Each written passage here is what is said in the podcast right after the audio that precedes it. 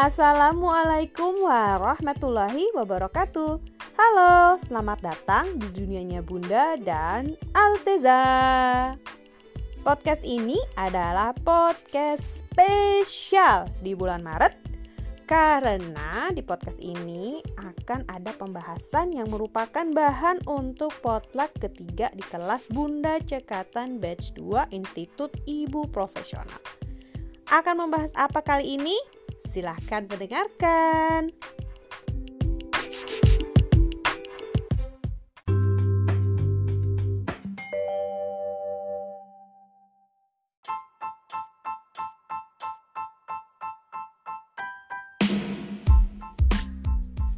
Di potluck kali ini, aku akan mengajak teman-teman untuk mendengarkan ceritaku tentang manajemen waktu. Sebetulnya aku bukan orang yang ahli di manajemen waktu karena saat ini pun aku tuh sedang berusaha untuk memperbaiki manajemen waktuku. Beberapa teman-teman sering menanyakan gitu, uh, bagaimana sih manajemen waktuku gitu karena uh, mungkin melihat bahwa kegiatanku banyak sekali gitu dan aku sepertinya bisa men mengerjakan tugas-tugas tersebut gitu. Padahal sebetulnya nggak juga sih gitu. Ada di suatu kala di mana aku pun kesulitan gitu. Nah, hmm, di kelas Bunda Cekatan ini aku berkesempatan untuk mempelajari manajemen waktu.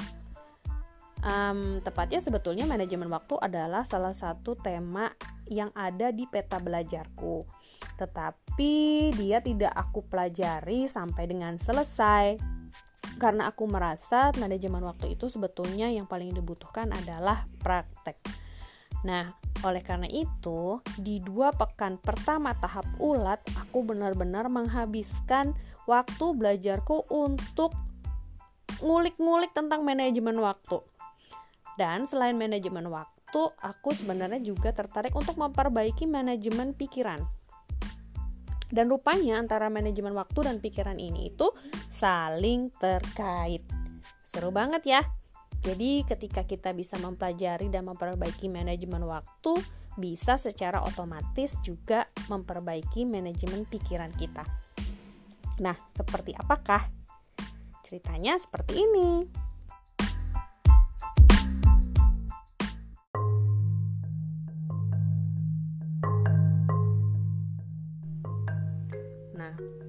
Tapi sebelum kelas bunda cekatan dimulai, sebelumnya aku tuh sudah menginisiasi untuk melakukan uh, manajemen waktu, perbaikan manajemen waktuku. Nah, aku melakukannya itu dengan membuat sebuah gambar di bullet journal untuk memetakan aku menghabiskan waktuku sehari-hari untuk apa. Nah, jadi aku bikin ada dua buah garis garis horizontal dan juga garis vertikal. Di garis horizontal itu aku um, tulis tanggal dan juga harinya. Sedangkan di garis yang vertikal itu aku menuliskan waktu-waktunya. Di tiap-tiap kotak kecil yang ada di bullet journal itu berlaku satu jam untuk aku. Nah hmm, yang paling bawah adalah jam-jam di mana aku biasa bangun pagi.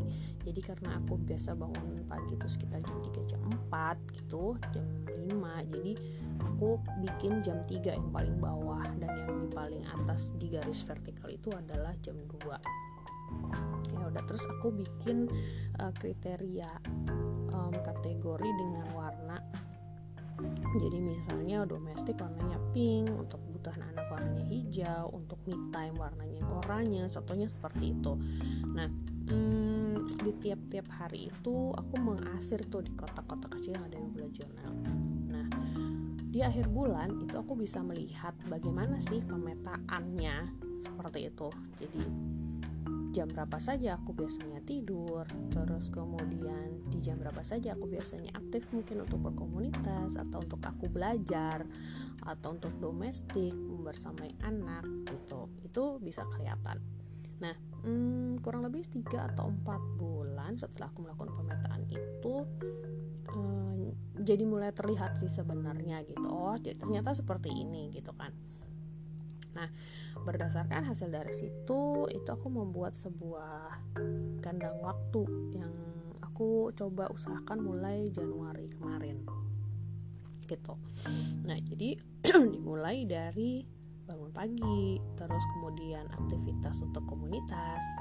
Jadi uh, banyak sekali cut off cut off pointnya gitu. Jadi bangun pagi terus uh, kegiatan komunitas terus kemudian ibadah terus kemudian um, domestik yang pertama ya karena di jam 7 jam 8 itu waktunya untuk suami dan anak ya untuk persiapan mereka yang satu ke kantor yang satunya mau ke TK uh, kalau di hari aku bekerja di jam tersebut um, adalah waktuku untuk uh, pergi bekerja gitu. Jadi uh, ketika aku kerja jadinya ada waktu yang untuk um, produktif di komunitas ini yang aku kurangi gitu karena kan masih harus ada ibadah di antaranya lalu kemudian nah di situ yang uh, ada waktu untuk bekerja terus kemudian setelah itu uh, waktu untuk membersamai anak terus ada waktu bonus di mana untuk komunitas terus habis itu uh,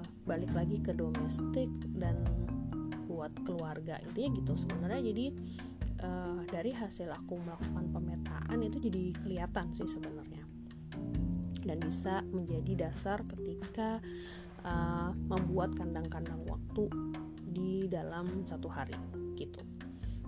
Hmm, Nah, pada saat aku belajar manajemen waktu di dua pekan pertama tahap ulat, itu aku menemukan sebuah metode yang bernama heat map.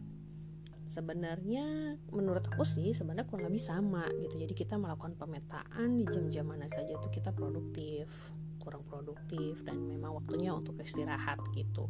Dan berdasarkan jam-jam tersebut kita menentukan kegiatan-kegiatan apa sih yang bisa kita lakukan dengan kondisi um, badan kita yang seperti itu gitu. Uh, sebenarnya mungkin kalau dibilang sama persis sebenarnya enggak. Dan aku lagi mau mencoba untuk mengkombinasikan kedua metode tersebut. Gitu. Jadi antara heat map sama yang um, aku membuat pemetaan itu aku kepingin coba sih sebenarnya. Dan um, karena ini kan sebentar lagi udah mau musim panas ya di mana waktu terangnya itu lebih lama. Dan uh, pasti akan berubah semua kegiatan itu akan berubah gitu meskipun tidak terlalu signifikan. Nah, jadi akan seru nih kalau dilakukan pemetaan lagi. Tapi mungkin pemetaannya nggak bisa lama seperti yang sebelumnya mungkin pemetaannya akan lebih lebih singkat jadi pengen coba dua metode yaitu dengan heat map dan juga dengan metode pemetaan yang aku lakukan sebelumnya nah um, yang berikutnya yang paling penting adalah kita sanggup untuk konsisten ketika waktunya berhenti itu memang berhenti. Karena mm, kalau kita meneruskan gitu itu akan memakan waktu emang gitu. Jadi dan itu akhirnya bisa jadi mundur-mundur semua gitu. Jadi kita kasih bonus yang ini ya udah kita kasih bonus kasih bonus berikutnya gitu. Jadi memang um, kuncinya adalah ya ketika waktunya habis oke okay, stop berhenti.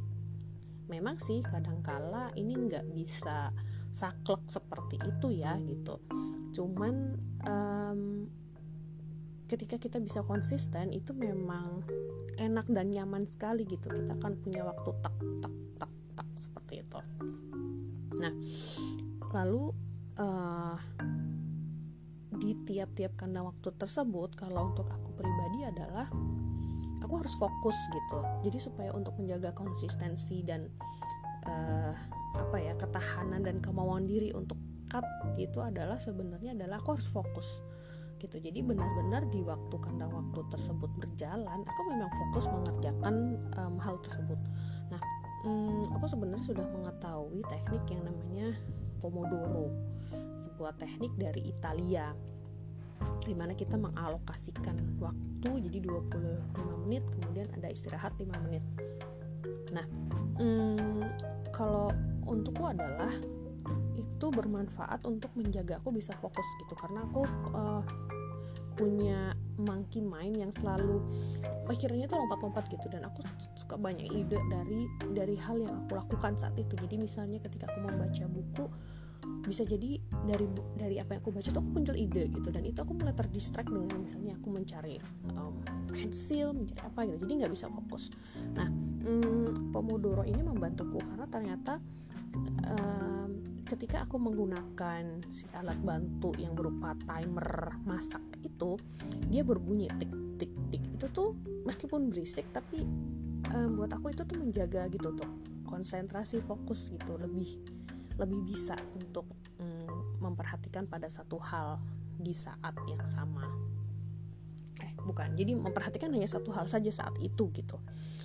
Nah mm, dan yang lebih menyenangkannya lagi adalah setelah 25 menit itu ada waktu 5 menit untuk istirahat. Nah 5 menit ini untukku adalah waktu bonus gitu. Jadi mm, aku istirahat gitu. Dan setelah aku pikir-pikir di waktu 5 menit itu aku kalau misalnya selama 25 menit itu aku hanya duduk di 5 menit yang bonus itu aku bisa berdiri dan jalan gitu kan. Jadi ya baik juga untuk kesehatan gitu kan. Karena kalau kita terus-terusan duduk gak melakukan gerakan kita lama-lama jadi ototnya kaku ya terutama untuk di punggung gitu. Nah dengan cara seperti ini istilahnya satu dua pulau itu jadi sekali dayung satu dua pulau itu terlampaui. Gitu jadi um, kalau aku boleh sedikit mengulangi lagi jadi yang pertama adalah uh, pemetaan. Jadi kalau aku tuh pemetaan waktuku untuk apa terus kemudian aku membuat kandang waktu dan di kandang waktu tersebut aku menerapkan teknik pomodoro. Nah sejujurnya karena ini proses belajar ya memang apa ya jadi up and down sih masih ups and down gitu juga masih kadang tuh juga masih mencari apakah ini uh, benar ya seperti itu. Meskipun uh, in regal jadi ya memang sudah dilakukan gitu sudah dilakukan seperti itu.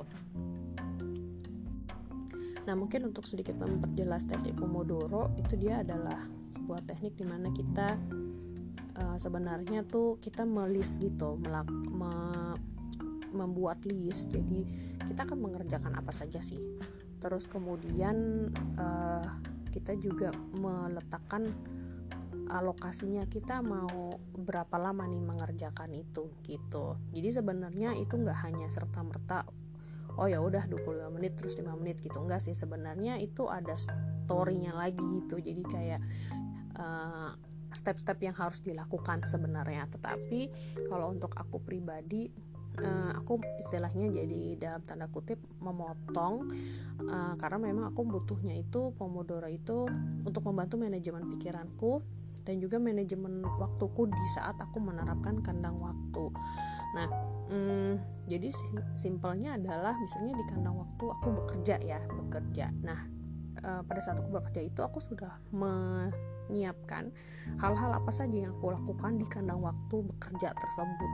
Nah, di situ aku menentukan tuh, hmm, misalnya membaca email itu satu pomodori uh, atau 25 menitnya hanya satu satu round saja. Terus kemudian setelah itu misalnya menulis menulis itu misalnya butuh 3 kali 25 menit kayak gitu.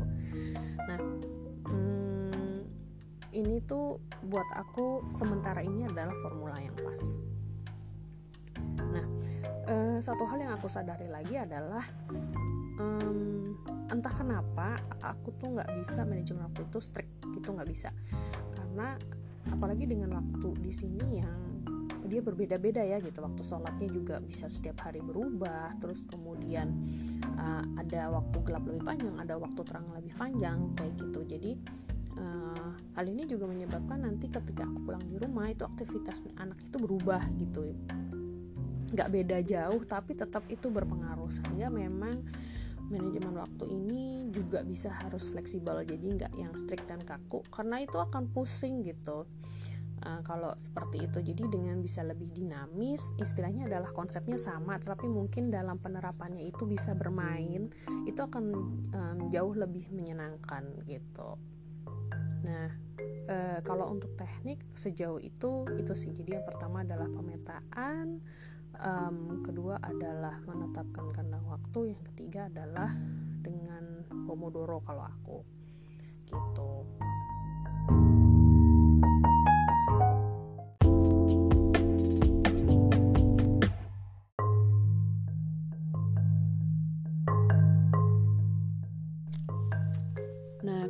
sebelumnya aku menceritakan tentang diriku sendiri. Kalau yang berikutnya ini aku mungkin akan memberikan beberapa tips yang aku dapatkan ya. Jadi yang pertama uh, menuliskan seluruh daftar kegiatan kita, baik itu dalam waktu satu hari ataupun bisa jadi dalam waktu satu minggu atau juga dalam waktu satu bulan karena kan ada ya kita misalnya ada kelas-kelas kelas online gitu mungkin ada pengajian atau ada hal-hal lain yang mungkin gak setiap hari gitu. Nah itu jangan sampai lupa karena ketika kita melakukan kegiatan tersebut berarti kan ada kegiatan yang mungkin biasa dilakukan jadinya harus digeser atau um, ya memang tidak dilakukan sama sekali gitu kan. Nah oleh karena itu penting sekali untuk mengetahui apa sih yang kita lakukan gitu. Kemudian yang nomor dua adalah men menuliskan gitu kira-kira jika kita tahu ya kita tuh butuhnya berapa lama sih untuk itu gitu. Kalau misalnya nggak tahu kira-kira berapa lama nah mungkin kita bisa melakukan observasi dulu nih terhadap diri kita sendiri. Misalnya masak. Sehari-harinya tuh masak menghabiskan waktu berapa jam? Satu jam atau cuma mungkin 30 menit dua jam seperti itu. Jadi kita bisa tahu ini alokasinya tuh berapa lama sebenarnya? Lalu dari selain selain maksud, maksudku selain menuliskan durasinya hmm, juga melakukan prioritas dari kegiatan-kegiatan tersebut. Jadi kita kelompokkan ke dalam kelompok-kelompok. Itu bisa menggunakan kandang waktu atau juga mungkin kita bisa membangun sebuah sistem sendiri gitu yang emang uh, emang sesuai untuk kita tapi yang paling penting harus diingat adalah ya kita harus benar-benar tega dan kejam ya mungkin gitu bahwa ini adalah penting dan sangat mendesak. Ini penting dan mendesak. Ini penting tapi tidak mendesak gitu. Jadi memang kita harus tega jujur dan mengakui gitu bahwa um, um, apa ya prioritas-prioritas dari kegiatan-kegiatan itu adalah seperti itu. Dan tentu saja satu hal yang diperhatikan adalah seberapa bahagia sih kita melakukannya gitu. Lalu yang ketiga adalah hmm, kita hanya punya waktu 24 jam sehingga betul-betul diperhatikan gitu dalam pembagian um, kegiatan apa saja yang akan dilakukan. Dan jangan lupa bahwa dalam waktu 24 jam itu masih ada tidur dan juga hal-hal yang berhubungan dengan kesehatan kita gitu baik fisik maupun mental spiritual ya. Jadi misalnya contohnya makan mandi gitu kan. Terus mungkin beribadah. Jadi jangan lupa itu dimasukkan. Kadang-kadang tuh kita lupa ya karena lebih memikirkan mungkin anak dan suami gitu rumah. Tapi kita lupa untuk memasukkan hal-hal tersebut. Bagaimanapun juga badan kita kan butuh butuh happy ya butuh istirahat dan butuh butuh relax gitu. Jadi jangan lupa itu dimasukkan dalam daftar kegiatan eh, dalam waktu 24 jam. Lalu yang berikutnya adalah delegasi. Nah delegasi ini agak sulit mungkin apabila hmm, kita punya standar atau mungkin punya ekspektasi tertentu khususnya dalam urusan di rumah tangga ya. Misalnya beberes gitu atau misalnya masak misalnya. Um, yang bisa dilakukan hanya kalau memang kita benar-benar butuh butuh bantuan ya gitu. Dan kita juga memang tidak terlalu bahagia mengerjakannya ya sudah gitu. Jadi ya delegasikan selama itu bisa ada sumber dayanya misalnya mungkin ke suami atau mungkin contohnya kalau makan ya mungkin eh, dengan rantang mungkin seperti itu. Kalau misalnya kita mempercayakan ke orang lain berarti di situ akan berlaku um, sebuah sistem mungkin ya. Jadi kita akan melatihkan itu ke orang tersebut dan kemudian kita percayakan sama orang tersebut. Bisa jadi dia akan melakukan sesuai dengan apa yang kita lakukan bisa jadi dia punya caranya sendiri. Nah yang kita perlu sadari adalah ya kita harus bersabar gitu. Jadi um, kita boleh berekspektasi tapi kita juga harus mengingat bahwa kita itu butuh bantuan sehingga um, ketika sudah terbantu ya mungkin yang pertama kita lakukan adalah berterima kasih dan apa melatih lagi gitu. Jadi sambil mempercayakan hal tersebut ya kita latih lagi gitu. Karena um, hanya itu mungkin yang bisa kita lakukan sehingga kita bisa lebih bahagia gitu. Kalau memang kita membutuhkan um, kegiatan tersebut untuk didelegasikan kepada orang lain. Tapi emang kadang sulit sih kadang kita kepinginnya kan serba sempurna ya. Pengen ini pengen itu gitu tapi kalau untuk aku pribadi sih di tips yang aku mau baca ini ya memang betul sih. Maksudnya ada hal-hal yang um, sebenarnya bisa jadi itu kita nggak bahagia sih. Cuman uh, mungkin karena ada pengaruh-pengaruh yang lain gitu sehingga mungkin bisa jadi itu adalah sebuah kebanggaan ketika kita bisa melakukannya it, melakukan itu sendiri dan mencapai sebuah ekspektasi gitu. Nah hmm, jadi mungkin uh, kita bisa introspeksi lagi diri sendiri sehingga memang memang perlu itu untuk didelegasikan ya sudah didelegasikan saja kegiatan tersebut. Oh ya terutama adalah di uh, kalau misalnya pakai kuadran itu adalah di yang ada di kuadran tidak penting dan tidak mendesak. Gitu. Uh, kegiatan-kegiatan yang tidak perlu yang kegiatan-kegiatan yang sebaiknya didelegasikan adalah kegiatan yang ada di kuadran tidak penting dan tidak mendesak Oke, terus kemudian tips berikutnya yang aku dapatkan adalah hmm, apa ya kita mengidentifikasi waktu yang terbuang itu banyaknya untuk apa. Kadang tuh kalau untuk aku sendiri biasanya sih ke hal-hal yang istilahnya dalam tanda petik entertainment ya leisure gitu.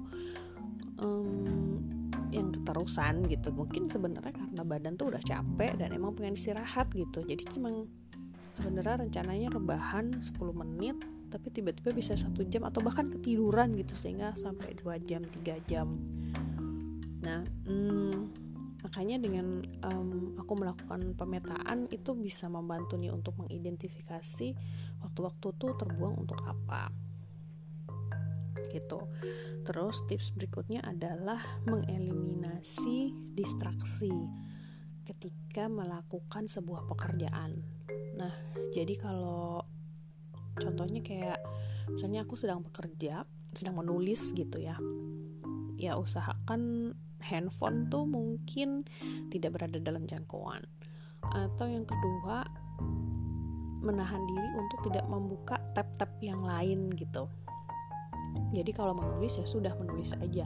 Kalaupun misalnya mau membuka tab yang lain ya membuka tabnya adalah yang berhubungan dan berkaitan dengan menulis. Jadi misalnya contohnya membuka aplikasi untuk uh, edit-edit foto seperti itu ya gitu. Jadi benar-benar yang memang terkait dengan pekerjaan yang dilakukan saat itu. Um, ternyata distraksi itu bukan cuma hanya sekedar handphone ya atau mungkin kalau misalnya di komputer tab-tab yang lain itu tapi juga bisa seperti pencahayaan. Nah bisa jadi kita tuh gampang terdistraksi karena mungkin pencahayaannya yang kurang atau pencahayaan yang berlebihan. Terus yang berikutnya adalah tentang bunyi-bunyian. Nah ini. Hmm, jadi ya kita mengidentifikasi diri kita sendiri. Apa sih sebenarnya distraksi ketika kita melakukan kegiatan-kegiatan nah yang paling penting terakhir tips yang aku peroleh dan ini sedang aku usahakan sekali untuk bisa aku lakukan adalah dengan berkata tidak dan mempertimbangkan sumber daya yang kita miliki.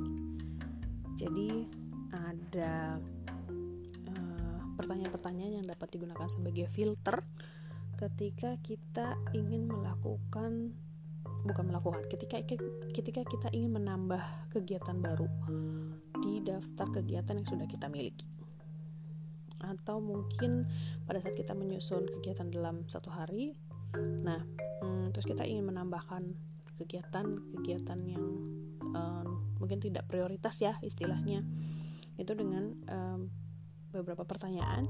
Contohnya adalah apakah kita masih ada waktunya untuk kegiatan ini?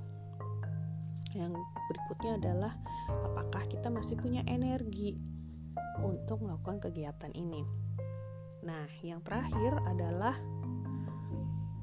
apa yang akan kita coret dari daftar kegiatan yang sudah kita miliki supaya kita bisa dapat melakukan kegiatan yang ini gitu. Jadi uh, substitusi ya, eh bener gak sih istilahnya substitusi? Jadi ketika kita sudah tahu bahwa ini kegiatannya ini ini aja, terus mau nambahin yang baru mungkin uh, itu tadi yang bisa menjadi filterisasi. Nah apalagi bagi orang-orang yang sukanya belajar ya itu mungkin akan menjadi sebuah tantangan tersendiri ketika melihat banyak sekali di luar sana ataupun mungkin ke banyak sekali kesempatan yang ada untuk belajar dan itu pasti akan uh, membutuhkan apa ya membutuhkan sebuah kekuatan tersendiri lah gitu untuk bisa mengatakan tidak jadi orang-orang yang sukanya belajar orang-orang yang bertanggung jawab gitu Nah, itu mungkin adalah sebuah memiliki tantangan tersendiri agar bisa mengucapkan kata tidak gitu. Nah, mungkin itu ada beberapa hal yang bisa aku ceritakan terkait dengan manajemen waktu. Semoga potlucknya bisa bermanfaat bagi semua yang mendengar khususnya teman-teman di kelas Bunda Cekatan Institut Ibu Profesional batch 2. Wassalamualaikum warahmatullahi wabarakatuh.